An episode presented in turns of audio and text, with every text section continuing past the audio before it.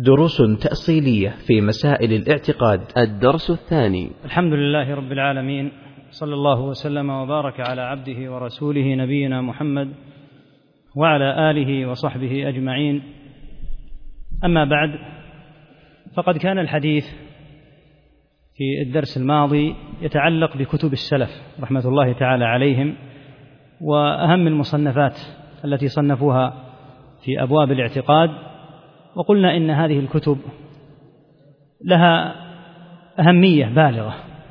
ينبغي على طالب العلم أن يكون حريصا عليها غاية الحرص وهي تروى بالسند من المصنف إلى منتهى السند إما النبي صلى الله عليه وسلم أو الصحابي أو التابعي رضي الله تعالى عنهم أجمعين.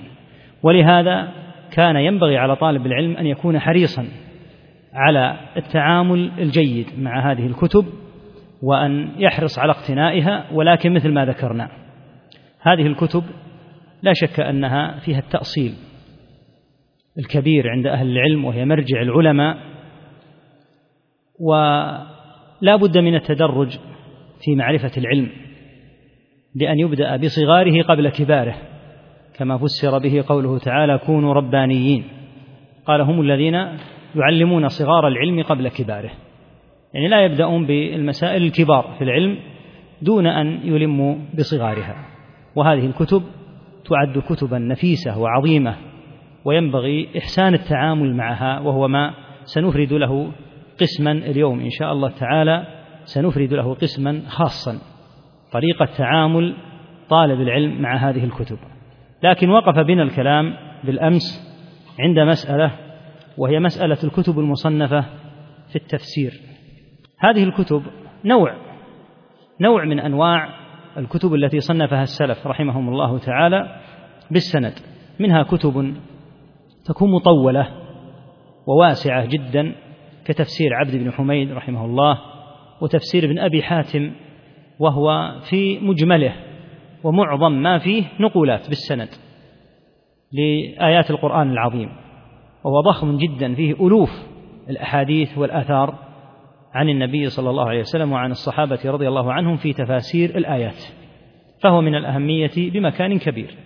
ومن أنفس وأجل هذه الكتب وأعظمها وأغربها متناولا تفسير الإمام الجليل محمد بن جرير الطبري رحمه الله تعالى. فقد جمع فيه رحمه الله تعالى بين الروايات المسندة الكثيرة ونقول وجوه التفسير في الآية مع الترجيح. الرجل رحمه الله صاحب ترجيح وصاحب اختيار عليه رحمة الله. ولهذا تسمع أهل العلم كثيرا ما يسمونه بشيخ المفسرين. حتى إن بعضهم يسمي تفسير ابن كثير رغم جلالة قدره يسميه مختصر ابن جرير. وإن لم وإن كان الأمر في الحقيقة ليس إلى هذا الحد. يعني ابن كثير ليس مجرد مختصر بلا شك. لأن ابن كثير رحمه الله صاحب اختيار ويرجح أقوالا في بعض الأحيان بخلاف قول الطبري وينقل كثيرا عن غير الطبري أيضا. لكن نظرا لأن مادة كثيرة مما في ابن كثير موجودة في ابن جرير رحمه الله تعالى فإنهم أطلقوا هذا الإطلاق. هذا ما يتعلق بكتب التفسير والتي تنقل عن أهل العلم رحمهم الله من أهل السنة والجماعة تنقل عنهم رحمهم الله تعالى معاني الآيات.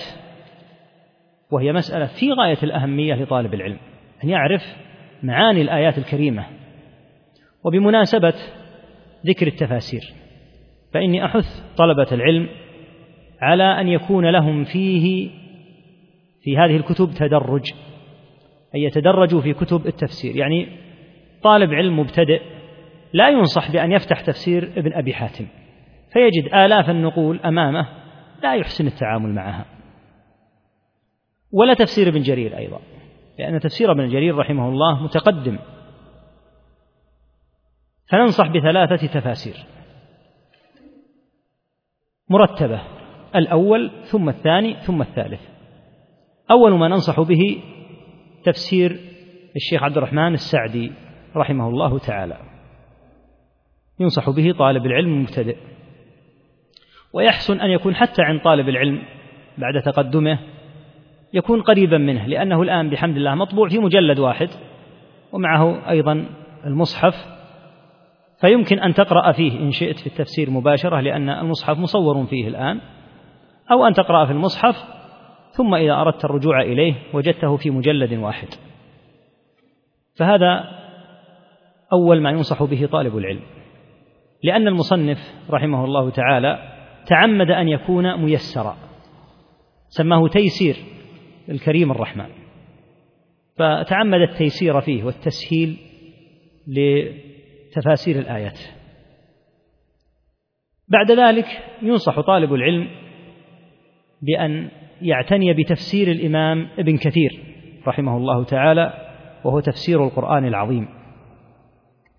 تفسير السعدي مختصر موجز.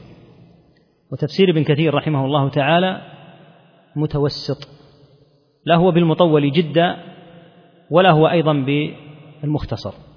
ويتميز ابن كثير رحمه الله تعالى بمزية نفيسة في كتابه وهي تفسير القرآن بالقرآن. وتفسير القرآن بالأحاديث.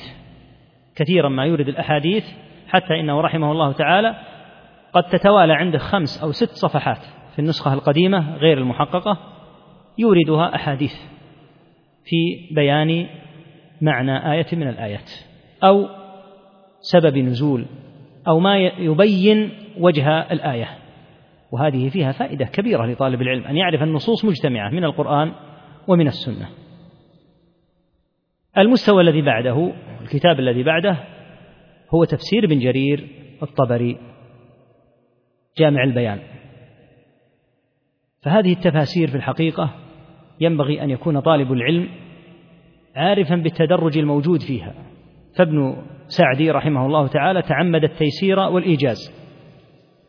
وابن كثير رحمه الله تعالى تفسيره بين بين بين المطول وبين المختصر.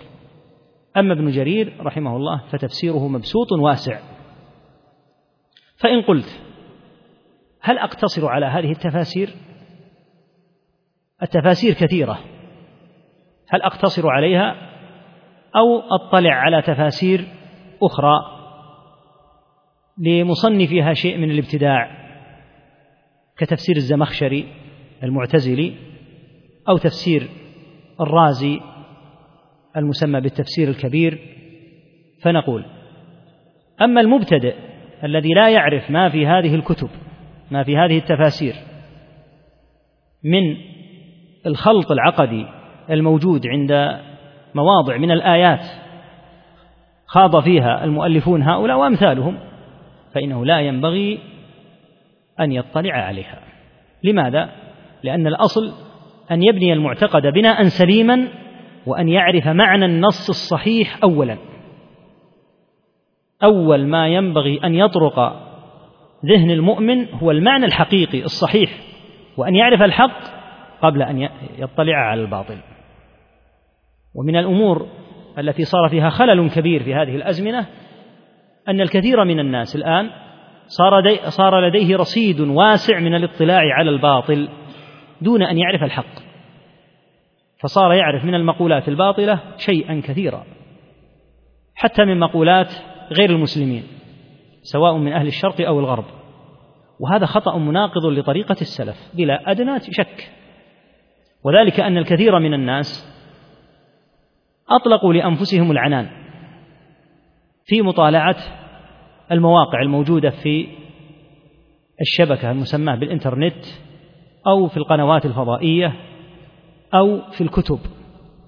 وأنت تعلم أن نبي الله صلوات الله وسلامه عليه لما أتى عمر ابن الخطاب رضي الله عنه بصحيفة من التوراة وصار يقرأها.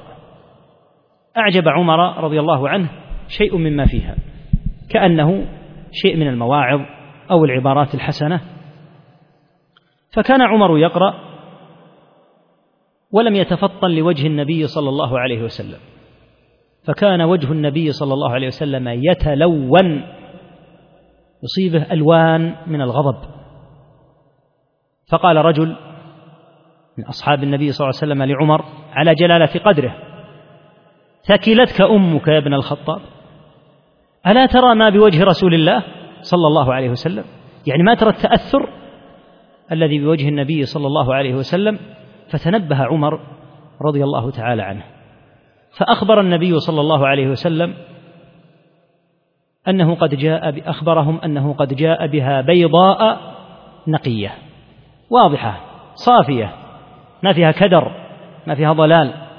وأخبرهم أنه لو كان موسى حيا لما وسعه إلا أن يتبع النبي صلى الله عليه وسلم.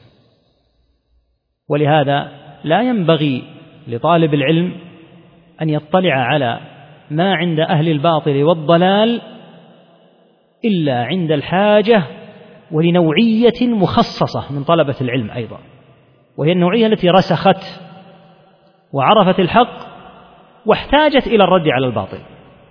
أما أن يكون المجال مفتوحا لكل من هب ودب فمعاذ الله من أن يكون هذا من هدي السلف في قليل أو كثير. هذا ليس من هدي السلف رحمهم الله. هدي السلف رحمهم الله البعد والتنائي عن الباطل. هذا هو هديهم رضوان الله تعالى عليهم وهو الذي ينبغي على كل مسلم أن يلزمه. ولهذا نقول ما يتعلق بكتب التفسير أو بكتب أهل الضلال من الجهمية والمعتزلة وغيرهم لا يجوز الاطلاع عليها لأي أحد. إنما يطلع عليها من تضلع من العلم وكان لديه مقدرة على تلافي الخطر الموجود فيها واحتاج إلى أن يرد عليهم فهذا لا شك أنه على خير إن شاء الله تعالى كما رد أهل العلم عليهم قديما وحديثا. أما أن يكون طالب العلم لديه أنواع التفسير في مكتبته عنده الزمخشري وعنده الرازي وعنده ابن جرير وعنده الطبي آه، ابن كثير وعنده كلها فهذه ليست الظاهرة السليمة إنما يحتاج إلى جمع أنواع التفاسير من تضلع من العلم. فإذا رسخت في العلم وتبين لك الحق فلا إشكال في أن تطلع على ما عند هؤلاء. لأنك إذا مررت بموضع فيه تأويل للصفة قلت هذا من الخلل. أتيت إلى موضع فيه خلل في عقيدة المؤلف فيما يتعلق بالقدر عرفته قلت هذا من سوء اعتقاده. إذا أتيت إلى موضع فيه خلل فيما يتعلق بمعنى الإيمان وحقيقته قلت هذا من المواضع التي أخل بها المفسر أو المؤلف. أما أن تقرأ هكذا لا تدري الحق من الباطل فهذا لا ينبغي وليس بتصرف صحيح بلا شك. نعود مرة أخرى إلى التعامل الأمثل مع كتب السلف رحمهم الله. والأمور التي ينبغي أن يلم طالب العلم بها ليعرف طريقة تصنيف هذه الكتب. هذه الكتب على نوعين اثنين. إما أن تكون بيانا للاعتقاد. فيصنف المصنف رحمه الله الكتاب لأجل أن يبين اعتقاد أهل السنة في مسألة من المسائل ويسوق عليها الأدلة. والكثير الكثير من كتب السلف يكون تعليق المصنف فيها قليلا. العادة أنه يبوب تبويبا باب كذا أو سياق ما جاء عن النبي صلى الله عليه وسلم في كذا وقد يشرح بعض بعض الكلمات أو يعلق على بعض الآثار والأحاديث أو الآيات تعليقا مختصرا موجزا. كما هو حال كتاب السنة لعبد الله بن الإمام أحمد. تجد أن كلام عبد الله فيه قليل جدا. يبوب ويجعل النصوص تتحدث. النصوص هي التي تتكلم. من كلام النبي صلى الله عليه وسلم أو من كلام الصحابة والتابعين رضي الله تعالى عنهم. وقد يوجد في بعضها شيء من التعليق وبيان مضمون الآثار والأحاديث مثل طريقة الإمام الآجري رحمه الله تعالى في الشريعة فإنه يعلق في كثير من الأحيان يعلق في بدايات الأبواب ثم يسوق الآثار. وفي بعض الأحيان يعلق بعد أن تنتهي النصوص بعد أن تنتهي النصوص يتكلم عن مدلولها وعما أفادته هذه النقول. النوع الثاني من الكتب كتب صنفت للرد على أهل الباطل. وكثير منها يكون الغرض منه الرد على الجهمية. كثير من أهل العلم رد على الجهمية وهم نفاة الصفات. أو نفاة بعضها. الجهمي هو من ينفي صفات الله تعالى كلها أو بعضها. حتى لو نفى بعضها فإنه معدود في تيار الجهمية. أتباع جهم بن صفوان. الجهم بن صفوان. حتى إن صحيح البخاري رحمه الله تعالى آخر باب آخر كتاب من كتب الصحيح المعروف بكتاب التوحيد في بعض النسخ كتاب التوحيد والرد على الجهمية لأنه أراد رحمه الله تعالى أن يرد عليهم في نفيهم للصفات. هذه الكتب كتب السلف رحمهم الله كما تقدم يسوقونها بالسند يسوقون ما فيها بالأسانيد. وهنا ينبه طالب العلم إلى أمر انتقده بعض المتأخرين فقالوا إن مما لحظ على هذه الكتب أنها تروي الصحيح والضعيف ولم تقتصر على الصحيح. يقول هذه الكتب المصنفة في أمور الاعتقاد كان ينبغي أن تفرد للصحيح فقط دون الضعيف. وهذا الكلام في الحقيقة كلام غير دقيق لعدة اعتبارات. الاعتبار الأول ما ذكره أهل العلم قديما وحديثا. أن طريقة المصنفين قديما رحمهم الله أنهم إذا ساقوا السند إذا ساقوا السند رأوا أنهم قد برئت عهدتهم.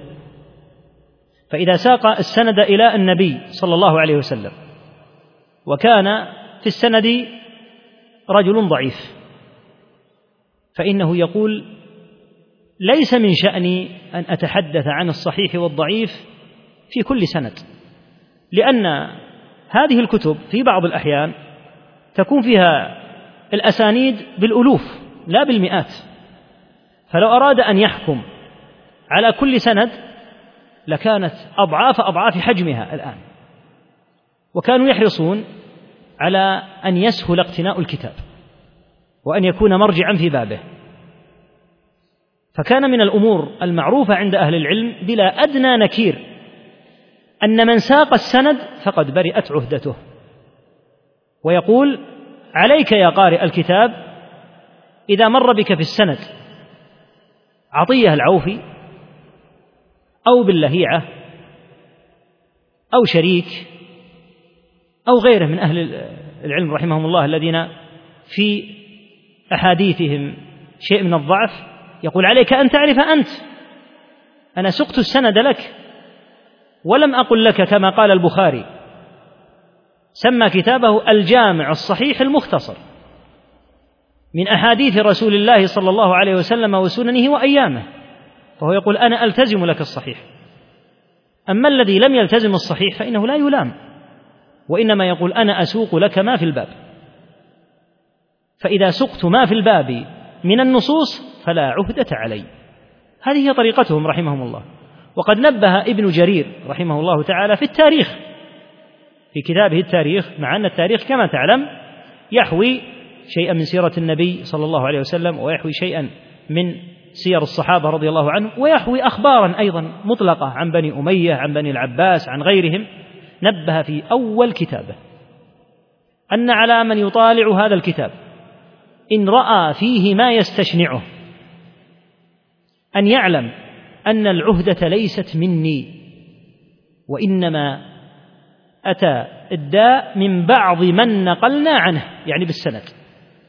نبه على هذا في بداية الكتاب حتى يعلم قارئ الكتاب أن عليه أن يمحص الأسانيد. فإذا أتينا إلى الوقت هذا وهو الذي قلت معرفة الناس. لتمييز الرواة. وأرادوا أن يحاكموا تلك الكتب. قالوا لماذا يريدون الضعيف؟ عرفنا أنهم يحاكمونها يحاكمون هذه الكتب إلى غير الموازين التي كانت في ذلك الوقت. وهذا خطأ. ما تحاكمهم إلى موازينك أنت؟ موازيننا أضعف وأقل علمية. حتى إن بعض أهل العلم رحمهم الله لما اختلف اثنان من كبار المحدثين بين رجلين. قال أحدهما هو عمرو بن فلان.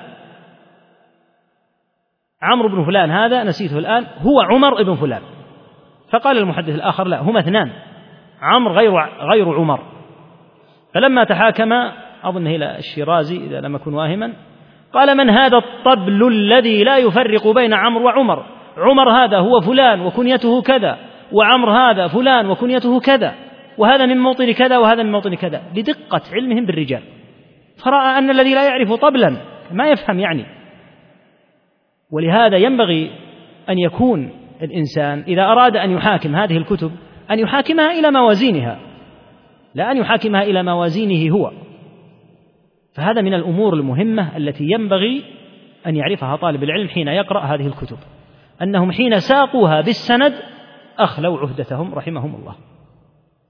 وعلى طالب العلم أن يفحص السند. وبحمد الله الكثير من الكتب حققت واجتهد فيها المحققون وميزوا الكثير الكثير مما فيها من الصحيح والضعيف فصار من السهل أن تميز ضعافها ضعافها من صحاحها. هذا أول ما يقال في سبب سوقهم للآثار أو الأحاديث الضعيفة. الأمر الثاني الذي يجاب عنه يجاب به عن سوقهم للأحاديث الضعيفة. أن يقال بعض الأسانيد ضعفها يسير يمكن أن ينجبر يمكن أن ينجبر. فمثلا إذا وجد في السند شريك رحمه الله تعالى القاضي المعروف فإنه لو توبع من قبل راو آخر لتقوى واعتضد السند. فهذا المحدث رحمه الله حين يسوق السند عن شريك يقول لعل غيري وقف على طريق آخر من غير طريق شريك. إذا ضم طريق شريك إلى ذاك الطريق الآخر انجبر فكان مترقيا إلى الحسن لغيره. وهذا أمر معروف. فكيف يلام على هذا بل هو مشكور ويدعى له. أنت تعرف أن بعض الأحاديث تصح أو تحسن بمثل هذا الأسلوب.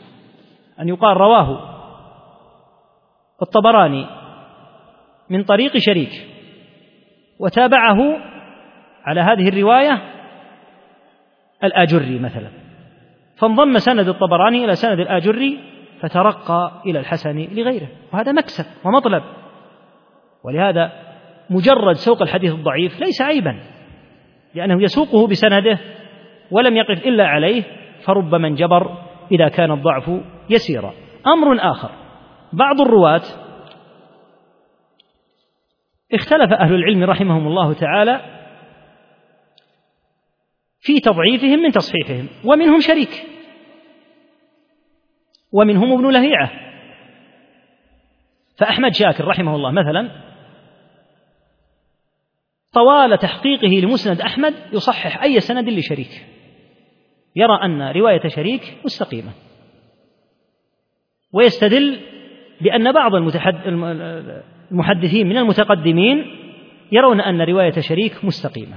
فإذا روى الراوي من أهل العلم عن شريك أو عن غيره كابن لهيعة وهو يعتقد أن السند إليه سليم صحيح وأن السند الذي فيه شريك أو باللهيعة لا ينزل عن درجة الحسن فإنه لا يلام لأنك إن قلت إن هذا ضعيف فإنه يقول هذا ضعيف عندك أما عندي فهو صحيح أو حسن. وأنت تعرف أن ابن كثير رحمه الله تعالى في تفسيره يصحح أو يحسن الأحاديث التي فيها ابن لهيعة. لأن يرى أن ابن لهيعة رحمه الله يرى أن حديثه لا ينزل عن درجة الحسن وأنه ثابت. وإن كان ابن كثير رحمه الله ليس من شأنه أن يروي بالسند لكن أوردته على سبيل المثال. هذا ما يتعلق بطريقة التعامل مع هذه الكتب ونقد من نقد المصنفين لإيرادهم أسانيد فيها ضعف. يبقى مسألة وهي مسألة وهي أيضا ما نقدها بعضهم وهي مسألة الأحاديث الموضوعة التي قد توجد في هذه الكتب أو غيرها. أنتم تعلمون أن الحديث الموضوع الأصل ألا يذكر إلا مقرونا ببيان أنه لا يثبت. فلا شك أن الأولى والأحسن أن يقال في كل حديث لا يثبت إنه موضوع حتى يحذره القارئ. ولكن نعود إلى نفس النقطة الأولى. يرون أن من روى السند وفيه رجل وضاع والرجل الوضاع يلوح في السند واضحا فإنه يقول أيضا هذا السند فيه رجل وضاع فالعهدة عليك أنت. لم لم تعرف أنه وضاع؟ ولم تتعامل مع كتب لا تعرف طريقة مصنفيها. يقول أنا أعرف أنه وضاع وأعرف أنه يكذب لكني ذكرته بمجرد أن أذكر اسمه يكفي. وهذه وجهة بعض المصنفين أنه لا يرى الحاجة إلى التنبيه على الحديث الموضوع حتى. يقول لأن قولي هو حديث موضوع يساوي تماما أن أقول إنه مروي من طريق محمد بن سعيد المصلوب.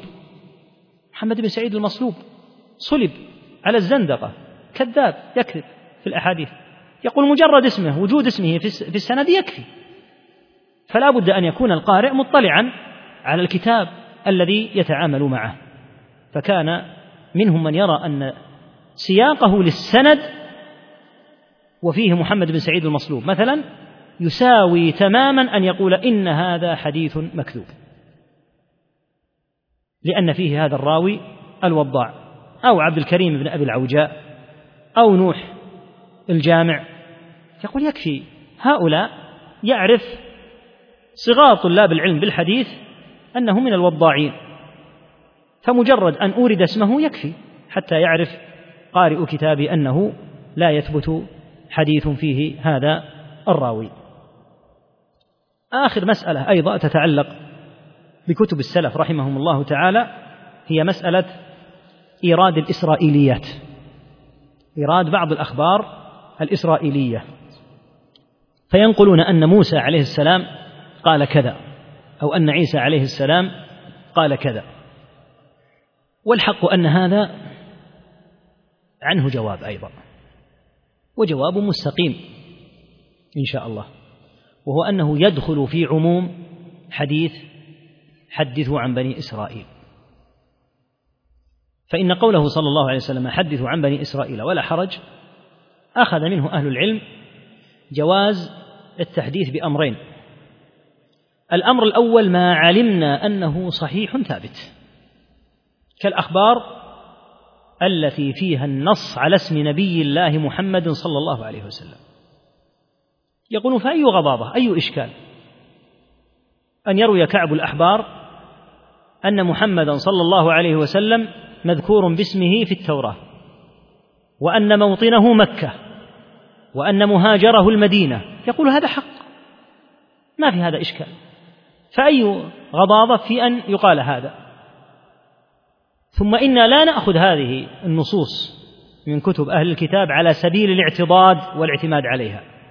وإنما نقول ما قبلها من النصوص من القرآن ومن السنة ومن كلام السلف رحمهم الله قد بين المعتقد الحق وأراد المصنف أن ينقل قولا عن أهل الكتاب متفق متفقا مع ما تقدم ما فيه أدنى معارضة له فيرون أنه داخل في عموم هذا الحديث.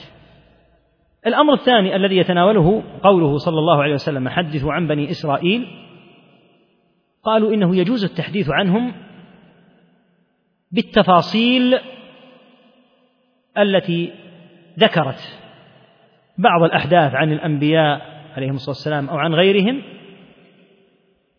وليس فيها شيء باطل لأن الشيء الباطل لا يجوز اعتقاده. ولهذا تجد أن الكثير من أهل العلم رحمهم الله يوردوا مثلا في موضوع أهل الكهف أو في موضوع آدم عليه الصلاة والسلام أو في موضوع نوح أو موضوع موسى عليهم جميعا الصلاة والسلام يوردون أخبارا مطولة عن بني إسرائيل سواء في كتب التفسير أو غيرها. يقول لا حرج بنص الحديث. إنما الإشكال إذا روي شيء فيه مصادمة ومخالفة للنصوص. أما أن يروى ما لا مخالفة ولا معارضة فيه فلا غضاضة في هذا. ما في هذا إشكال. فالإسرائيليات الخطأ أن يروى الباطل الموجود فيها. فإن قلت فأين حديث النبي صلى الله عليه وسلم الذي ذكرته قبل قليل؟ وهو عن عمر رضي الله عنه. فمن أهل العلم من أجاب بأن هذا كان في بداية الأمر. ثم لما استقر الحال وتبين قيل حدثوا عن بني إسرائيل. فلا يكون في إشكال في أن يحدث عنهم أحد عالم بما يحدث. يعني ليس لأي أحد أن يفتح التوراة ويبدأ يقرأ فيها لأنه قد ينقل الباطل وهو لا يشعر. وإنما ينقلها من يستطيع أن يفرق بين الحق من الباطل. ثم إن هذا لا يكون بين عموم المسلمين يعني كأن يقال في خطب جمعة ويجمع الناس عليه لا. لكن في مصنف علمي يورد الآيات ويورد الأحاديث ثم يورد شيئا يتعلق ببني إسرائيل. يدل على إثبات أمر ثابت في الشرع. ما يرون في هذا غضاضة لأن هذا مصنف ليس للعامة وإنما هو لأهل العلم. الذين يستطيعون التمييز بين الصحيح من الضعيف ويستطيعون أن يوقعوا هذا الخبر الوارد عن أهل الكتاب في الموقع الصحيح أنه يساق للاعتضاد لا للاعتماد يعني يعتضد به يستشهد به يستأنس به. أما أن يعتمد لا. لا يقال الدليل على إثبات صفة من صفات الله ما في التوراة لا. ليست هذه محل دليل أصلا وليست موضع من مواضع التلقي. وإنما الدليل من القرآن أو من السنة. فإذا أوردت عشرين آية ومائة حديث ومثلها عن السلف من الآثار ثم أوردت من التوراة في كتاب علمي يتداوله طلبة العلم أوردت هذا النقل اعتضادا واستئناسا حتى تقول إن هذا مما اتفق فيه نص التوراة مع نص القرآن. وليس بين العامة بأن يفشى وإنما في كتاب علمي لا إشكال في هذا وهذا هو السبب في سوقهم رحمهم الله تعالى مثل هذه النقول. فالحاصل أن التعامل مع كتب السلف رحمهم الله ينبغي أن يكون عند الجميع ولكن وفق ما ذكرنا من هذه الأسس التي ينبغي أن يحيط بها طالب العلم وأن يلم بها حتى يكون على بصيرة. بذلك ننتهي من موضوع كتب السلف رحمهم الله وما فيها ولعلنا إن شاء الله تعالى عند ذكر بعض المسائل الكبرى التي لعلها أن تشرح إن شاء الله تعالى. عند ذكرها وشرحها وبيانها نذكر أهم الكتب المصنفة فيها كأن نسوق موضوع الإيمان. فننبه طالب العلم إلى المراجع المهمة في مسألة الإيمان. قد نذكر إن شاء الله تعالى مسألة القدر وتفصيلها ثم ننبه طالب العلم أيضا إلى المراجع التي للسلف ولأهل العلم رحمهم الله تعالى في موضوع القدر وهكذا حتى يكون لطالب العلم إن شاء الله تعالى. إلمام بالمسائل مع المراجع لأن كون الشخص يعرف المسألة ثم لا يستطيع أن يحيل ولا أن يرجع إلى مرجع يشعر بشيء من النقص يعني معناه أنه لو طلب منه مثلا أن يكتب بحثا ما استطاع هذا معناه. يعني لو قيل اكتب لنا بحثا في الحوض الذي يكون للنبي صلى الله عليه وسلم. ما عرف. وهذا فيه قصور في الحقيقة. ينبغي أن تعرف المراجع التي يمكن أن يستمد منها النصوص والنقول وهذا ما سنحاول إن شاء الله على ضيق الوقت أن نزود به بين إن شاء الله تعالى فترة وأخرى. المسألة التي سنطرح اليوم إن شاء الله تعالى وقد تستغرق بقية هذا الوقت وربما شيئا من يوم غد إن شاء الله تعالى وهي مسألة كبيرة جدا وهي ما يمكن أن نسميه بالفرق المنهجي. الفرق المنهجي بين أهل السنة وبين جميع أهل الأهواء. الفرق المنهجي بين أهل السنة رحمهم الله وبين جميع أهل الأهواء. هناك فروق هناك فروق بين أهل السنة مثلا والخوارج في صاحب الكبيرة. هناك فروق بين أهل السنة والرافضة مثلا في الصحابة رضي الله تعالى عنهم وفي مسائل أخرى في الحقيقة مع الرافضة في الصحابة وفي القرآن وفي مسائل كثيرة أن الصحابة شأنهم كما قلنا بالأمس يختلف عن بقية الفرق. نقول بين أهل السنة وبين المعتزلة فرق في المسائل الآتية في القدر في الإيمان وهكذا. فما الفرق؟ المنهجي الذي ميز أهل السنة رحمهم الله تعالى عن جميع أهل الأهواء بدون استثناء أصحاب البدع الكبار وأصحاب البدع الصغار. الفرق المنهجي هذا يعود إلى النص وطريقة التعامل مع النص. كيف يتعامل أهل السنة مع النص وكيف يتعامل أهل الأهواء مع النص؟ هذا هو الفرق الأكبر وهو السبب الذي لأجله تفرقت الفرق وتشيعت الشياع. فإن أهل السنة رحمهم الله يتعاملون مع النص التعامل الواجب الذي دل عليه القرآن والسنة وعمل الصحابة رضي الله تعالى عنهم. أما أهل الأهواء فيتعاملون مع النص تعاملا على خلاف ما أمر الله به وخلاف ما أمر به الرسول صلى الله عليه وسلم وعلى خلاف ما كان عليه السلف الصالح رحمة الله تعالى عليهم. أهل السنة طريقتهم مع النص على النحو الآتي. أولا أن يجعل النص هو الأصل وعليه المعول وإليه المرجع. فأهل السنة النص عندهم هو الأساس. ونعني بالنص كلام الله وكلام رسوله صلى الله عليه وسلم. فإن وجدوا في النص إثبات أمر أثبتوه. وإن وجدوا في النص نفي شيء نفوه. وإن وجدوا النصوص سكتت سكتوا هم كما سكتت النصوص. لأن الله يقول يا أيها الذين آمنوا لا تقدموا بين يدي الله ورسوله. إذا لم يتكلم رب العالمين في هذا الأمر فلا تتكلم أنت. لم يتكلم الرسول صلى الله عليه وسلم فكذلك أنت. ما أن تقول أنا سأتكلم فيما لم يتكلم فيه الله ولا رسوله سبحان الله أين وصلت بنفسك؟ جاء في الحديث أن الله عز وجل سكت عن أشياء رحمة بكم غير نسيان. يعني ما ذهل الرب سبحانه ولا نسي سبحانه عن ذلك. كما قال تعالى وما كان ربك نسيا. وسكت عن أشياء رحمة بكم غير نسيان فلا تسألوا عنها. لا تخوضوا فيها. ما دام أنها لم تأت بها النصوص. هذه هي طريقة أهل السنة رحمهم الله. فإذا قيل لأهل السنة هل تقرون كذا؟ قالوا إن كان في النصوص أقررناه. وإن نفته النصوص نفيناه. وإن لم تتكلم فيه النصوص لم نتكلم فيه. نلخص إذا منهج أهل السنة منهج أهل السنة هو جعل النص في المقدمة. كما يقول ابن تيمية منه يتعلمون وفيه يتفكرون وينظرون وبه يستدلون. فتركيزهم على النص الاستدلال بالنص التفكر في النص والاستدلال به. ولهذا إذا وجد قول لا دليل عليه تجد أن أهل السنة يقولون هذا القول لا أصل له. طيب قد يقوله عالم من العلماء يقولون هذا العالم عليه أن يورد مستنده فإذا أورد الدليل قبل قوله.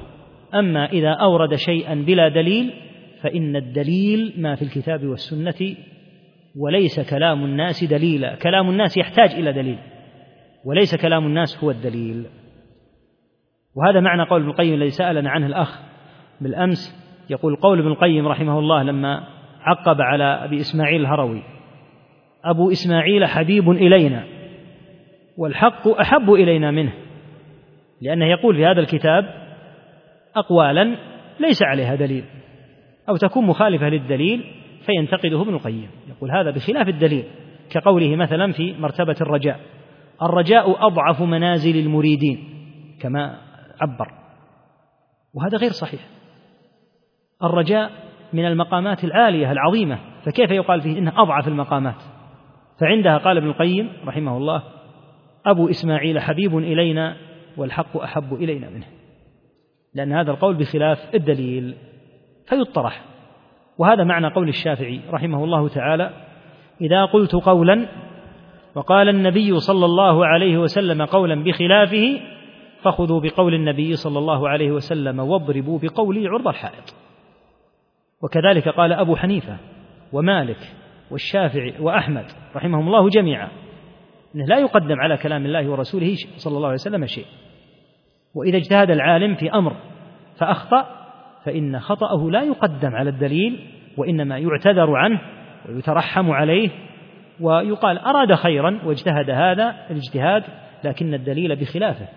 لأن الأمر كما قال الشافعي رحمه الله تعالى ليس أحد يستطيع أن يلم بسنة النبي صلى الله عليه وسلم كلها. لا بد أن يفوته منها شيء. يقول ولكن الذي يفوته يوجد عند غيره. يعني ما تضيع السنة. إذا فات على هذا العالم شيء تجد أن غيره قد حفظه بحيث أن السنة محفوظة. يقول ولهذا لا يعتمد على قول الناس وإنما الأصل هو النصوص. وهذه هي طريقة أهل السنة.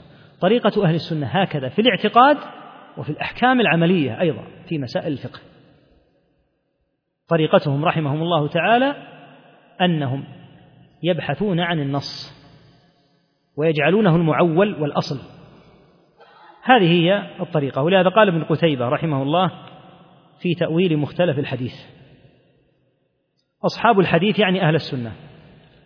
التمسوا الحق من وجهته وتتبعوه من مضانه التمسوا الحق من الوجهة التي ينبغي أن يلتمس منها ومن الموضع الذي يوجد فيه وهو الدليل. هذه طريقة أهل السنة كما ذكر هذا في صفحة واحد وخمسين. أنا أحرص على تزويد الإخوة بالصفحات وبالمراجع حتى يكون للدورة التأصيلية شيء من الفائدة. يعني إذا خرجت وعندك مجموعة من المواضع في الفتاوى وفي الشريعة للآجري وفي البخاري وفي فتح الباري وفي تأويل مختلف الحديث وفي شرف أصحاب الحديث مجموعة من المواضع يكون لدى طالب العلم جملة من المراجع المفيدة النافعة التي يمكن أن يسلك على أثرها بحيث يستطيع أن يبحث المسائل. يستطيع أن يبحث هذه المسائل ولا يكون متلقيا دائما. تلقي أمر مهم جدا ولا بد منه لكن ينبغي تعويد طالب العلم على أن يبحث وأن يحسن التعامل مع المرجع. وقال الخطيب البغدادي أيضا رحمه الله في كتابه شرف أصحاب الحديث يقول صفحة 28 يقول كل فئة تتحيز إلى هوى ترجع إليه يعني من فئات أهل الباطل والضلال. أو تستحسن رأيا تعكف عليه سوى أهل الحديث يعني أهل السنة يعني أهل السنة. فإن الكتاب عدتهم فإن فإن الكتاب عدتهم والسنة حجتهم. والرسول صلى الله عليه وسلم فئتهم وإليه نسبتهم. يعني ينتسبون إلى النبي صلى الله عليه وسلم. هذه هي نسبة أهل السنة أنهم تعود مقالاتهم إلى النبي صلوات الله وسلامه عليه. وبه تعرف أن لأهل السنة رحمهم الله تعالى في بناء, في بناء المذهب مرحلتين اثنتين. المرحلة الأولى تنطلق من النص نفسه بأن يرجعوا إلى النص الموجود في المسألة. سواء أكانت مسألة عقدية أو مسألة من الأحكام العملية في العبادات أو من الأحكام العملية في المعاملات يبحثون عن النص أولا. المرحلة الثانية بناء القول على النص. يبنون القول على النص. فالأمور لديهم رحمهم الله مرتبة. يعني لديهم ضبط لما يسمى بالأولويات. ما هو الأول عندهم؟ الأول النص. ثم بعد ذلك تكون الفتوى ويكون القول مترتبا على النص.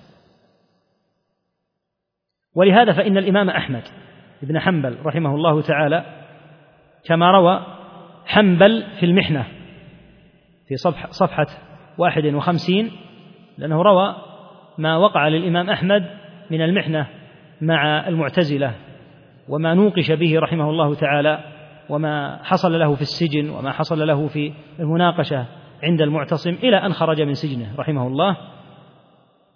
ناقش الإمام أحمد رحمه الله قاضي الاعتزال والتجهم أحمد بن أبي دؤاد. فقال له في مقولته العظيمة وفريته الكبيرة في القرآن قال له هل معك في هذا؟ يقول الإمام أحمد رحمه الله هل معك في هذا كتاب أو سنة؟ يعني عندك دليل من القرآن أو السنة. فقال ابن أبي دؤاد وأنت لا تقول إلا بما في القرآن والسنة. فتعجب الإمام أحمد من جواب هذا الرجل. قال وهل يقوم الإسلام كله إلا بالكتاب والسنة؟ من أين نأتي بالاعتقاد؟ من أين نأتي بالأمور إلا من القرآن والسنة؟ يقول أنت لا تقول إلا بما في القرآن والسنة؟ نعم لا أقول إلا بما فيهما. وهل يقوم الإسلام كله إلا بالقرآن والسنة؟ فكان هذا جواب يمثل منهج السلف وذاك جواب يمثل منهج أهل البدع كما سيأتي. ولهذا قال أبو المظفر السمعاني رحمه الله تعالى في كتاب له مفقود اسمه الانتصار لأهل الحديث. هذا الكتاب ساق منه السيوطي في صون المنطق بعض كلام أبي المظفر ونقله أو نقل طائفة منه عن أبي المظفر قوام السنة الأصبهاني رحمه الله في كتابه القيم الحجة في بيان المحجة. يقول أبو المظفر رحمه الله كلاما مختصره أهل السنة جعلوا الكتاب والسنة أمامهم وطلبوا الدين من قبلهما من جهات الكتاب والسنة وما وقع لهم من معقولهم وخواطرهم عرضوه على الكتاب والسنة. يعني قد يأتي لطالب العلم بعض الأحيان استنباط معين أو خاطرة معينة أو يصل إلى قول معين. فهذا القول وهذه الخاطرة ماذا يفعل بها؟ يأتي بها ليعرضها هي على القرآن وعلى السنة. فإن وافق القرآن والسنة هذا الأمر قبلوه وحمدوا الله أن وفقهم عليه. وإلا يعني إذا عارض تركوه وأقبلوا على الكتاب والسنة ورجعوا بالتهمة على أنفسهم. يقول نحن المخطئون استنباطي هذا هو الخاطئ. قولي هو الخطأ. لأني لما عرضته على القرآن صار بخلافه. فدل على أن ما قلته خطأ لأن القرآن لا يمكن أن يكون خطأ. فقولي هو الخطأ وظني هو البعيد عن الصواب وكلام الله هو الحق وكلام رسوله صلى الله عليه وسلم كذلك. وقال ابن تيمية رحمه الله تعالى في الفتاوى في المجلد الثالث عشر الصحيفة 135 إلى 136 كلام كلاما ملخصه جماع الفرقان بين الحق والباطل والهدى والضلال أن يجعل ما بعث الله به رسله هو الحق. يكون هذا هو الأساس وهذا هو الأصل الذي يجب اتباعه وبه يحصل الفرقان والهدى والعلم. وما سواه من كلام الناس يعرض عليه. فإن وافقه فهو حق وإن خالفه فهو باطل. هذه طريقة أهل العلم. أن الذي يميز ويفرق بين الحق والباطل أن يجعل النص هو الأساس وهو الأصل. فإذا قيل قال فلان قلنا هات قول فلان هذا اعرضه على القرآن اعرضه على السنة. إن شهد القرآن وشهدت السنة صار قوله سليما. وإن رده القرآن أو السنة صار قوله باطلا وبقي القرآن والسنة ثابتا لا يجوز التعرض لهما بحيث يرجع الإنسان على قوله بالخطأ. بعض الأحيان تستنبط مسألة أو يعن لك أمر فيقال لك لا. ثبت عن النبي صلى الله عليه وسلم خلاف ما قلت. فتقول هات الذي ثبت عن النبي صلى الله عليه وسلم وأنا أتنازل. فإذا قيل لك هذا الحديث ثابت عن النبي صلى الله عليه وسلم بخلاف قولك ما تقول؟ تقول لا قول لي انتهى قولي. انتهيت من القول نهائيا. ما صار لي قول الآن. أنا كنت أقول قبل أن أعرف أن ثمة نصا. ولهذا قال رجل للشافعي رحمه الله تعالى سأله عن مسألة. فلما سأله عن هذه المسألة قال قال فيها رسول الله صلى الله عليه وسلم كذا وكذا. أفتى بالحديث مباشرة. فقال الرجل فما تقول أنت؟ أنت رويت الحديث لكن أنت أعطني قولك. فغضب غضبا شديدا. قال سبحان الله أتراني خرجت من كنيسة؟ يعني أنا هل أنا رجل نصراني؟ أتراني خرجت من بيعة؟ يعني هل تراني يهودي؟ أترى على وسط زنارة الذي كان يشده أهل الذمة؟ أقول لك قال رسول الله صلى الله عليه وسلم وتقول ما قولك؟ انتهى ليس لي قول خلاص. ما دام أن في الحديث أن في المسألة نصا فلا يقال للناس ما قولكم وإنما القول ما في النص. ونختم بقول ابن تيمية رحمه الله تعالى في المجلد الثالث عشر من الفتاوى والصحيفة الثالثة والستين حين بين أن هذا الذي ذكرته الآن من جعل النص هو الأصل هذا هو مسلك الصحابة والتابعين. لم يكن فيهم من يعارض النصوص بمعقوله. يقول الله هذا القول الذي ترويه عن النبي صلى الله عليه وسلم ما ما يقبله عقلي. يقول ما كان فيها أحد يقول هذا الكلام. يعارض النص بمعقوله. وإذا أراد معرفة شيء من الدين مسألة من المسائل. أراد أن يعرف حكمها نظر فيما قاله الله ورسوله فمنه يتعلم وبه يتكلم وفيه ينظر وبه يستدل. لأن هذا هو الأصل النص هو الأصل. ولهذا حصلت فتنة زمن الإمام عبد الغني المقدسي رحمه الله تعالى الإمام المشهور وكان من مشاهير الآمرين بالمعروف والناهين عن المنكر. وكان قويا في الله رحمه الله تعالى.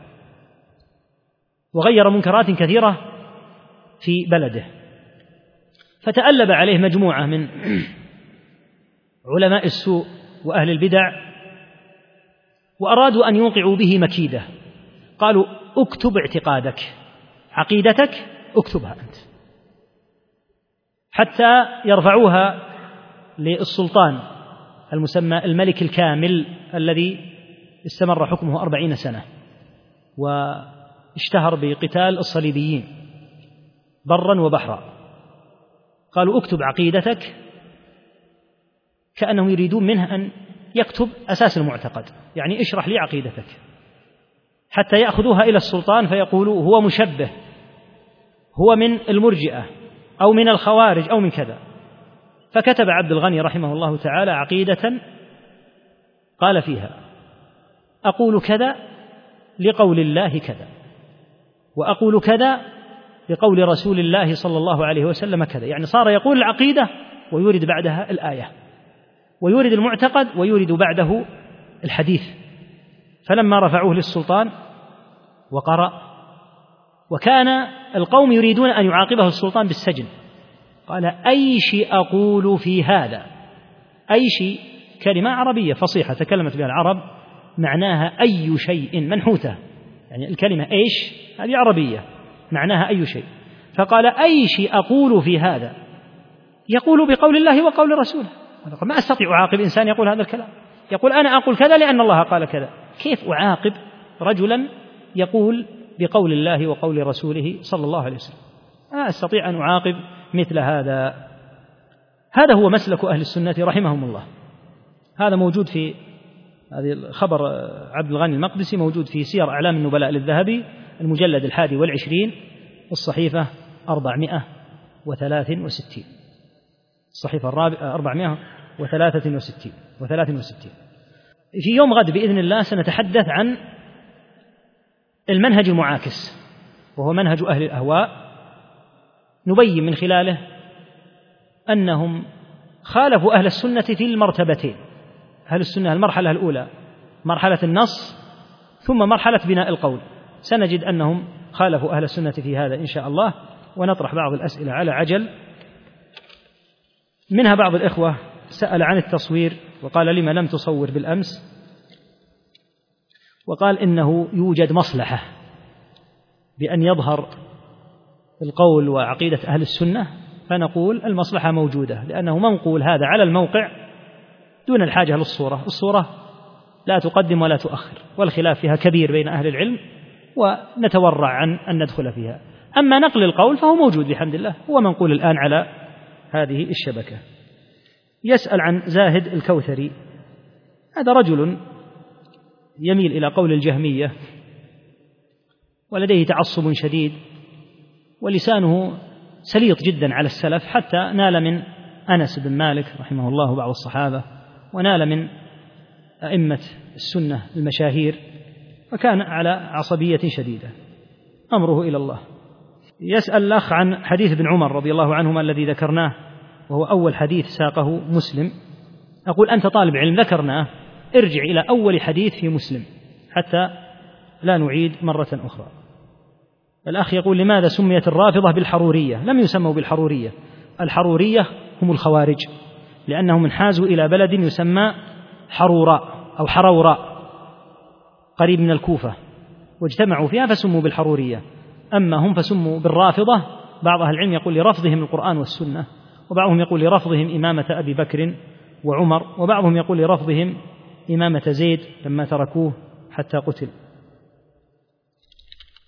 الأخ يقول إنه يعني أتوا على أساس أن الشرح سيكون لمتن الطحاوية ويقول يعني يرجو أن نتكلم عن متن الطحاوية. الطحاوية بحمد الله شرحت من قبل كثير من أهل العلم بفضل الله عز وجل ومثل هذه الدورات التأصيلية نحن نعول عليها كثيرا. يعني مثلا في هذه الأيام فقط يوجد عدد كبير من المتون يشرح. وأيضا شرح الطحاوية شرحته أنا من سنتين وهو موجود في موقع يسمى فيما أتذكر لايف إسلام هذا موجود فيه الشرح كاملا في ما يسمى بالأرشيف فالأخ يستطيع أن يرجع إليه. هذا أخ نبه على مسألة يقول إن كلمة إن أهل السنة يدخل فيهم الأشاعرة والماتريدية إنه من الخطأ. ما قلنا هذا يا أخي. الأخ مثل يعني ما ذكر لي بالأمس يعني أتى في وسط الكلام. نحن قلنا إن كلمة أهل السنة تطلق باعتبارين اثنين. الاعتبار الأول اعتبار العامة العوام. فلا يعرفون إلا سني أو شيعي هكذا يعرفون. إذا قيل الواحد أنت أنت شيعي قال لا أنا سني. هكذا يعرف أن الدنيا شيعي وسني. فهذا اصطلاح العامة. ولا يعرفون تفاصيل الفرق. أن في الدنيا معتزلة وجهمية وأشعرية وماتريدية ما يعرفون هذا. أما الاصطلاح الدقيق الصحيح العلمي فهو أن يقال أهل السنة المحضة وهم الذين كانوا على هدي الصحابة رضي الله عنهم. ولهذا قلت إنه لا يجوز أن ينسب المعتقد إلا إلى هذا المصطلح العلمي أن يقال هذا اعتقاد أهل السنة في الصفات. إثباتها جميع الصفات الواردة في القرآن والسنة. ما يتعلق بالقدر كما سيأتي إن شاء الله تفصيل. ما يتعلق بالإيمان أنه قول واعتقاد وعمل. على طريقة السلف. فهذا الذي ذكرناه والذي على الحق لا يشك أحد من أهل العلم أنهم السلف رحمهم الله ومن سار على هديهم لأن النبي صلى الله عليه وسلم قال لا تزال طائفة ما قال طوائف. فالحق واحد وهو الذي كان عليه أبو بكر وعمر والمهاجرون والأنصار. فمن لزم هذا الحق فهو عليه. وهو الطائفة المنصورة. ولهذا قال ابن مسعود رضي الله عنه لما سئل عن الجماعة ما هي الجماعة؟ قال الجماعة ما وافق الحق وإن كنت وحدك. لأن الشخص الذي يكون على الحق قد وافق الجماعة الأولى جماعة الصحابة والتابعين التي بناها النبي جماعة الصحابة التي بناها النبي صلى الله عليه وسلم ثم تبعهم التابعون. فالحق في قول أهل السنة قول السلف. أما ما جد من الأقوال فكل قول بخلاف السلف فهو باطل. ما في هذا أدنى شك. والحق في قول السلف وحدهم لأنهم تلقوهم كما سمعت الآن من النصوص ولا يقدمون بين يدي الله وبين يدي رسوله صلى الله عليه وسلم. أخ يسأل متى كان ظهور الفرق؟ متى يعني بدأت الفرق في الظهور؟ يقال الفرق بدأت في الظهور بعد مقتل عثمان رضي الله عنه. خرجت فرقتان متضادتان الخوارج والشيعة. وهي أول الفرق خرجتها في وقت واحد. بعدها خرجت القدرية الأوائل معبد الجهني وجماعته الذين أدركهم صغار الصحابة رضي الله عنهم. ثم في أواخر أو في زمن ابن الزبير ظهرت المرجئة وظهر أيضا إنكار الصفات على يد الجعد بن درهم. وتبعه تلميذه الجهم بن صفوان. على ذلك ولعل الله أن ييسر شرحا لهذه المسائل إن صار معنا بعض الوقت حتى يكون لطالب العلم إلمام ببدايات ظهور الفرق ومواقعها وموقفها. والله أعلم. صلى الله وسلم على محمد.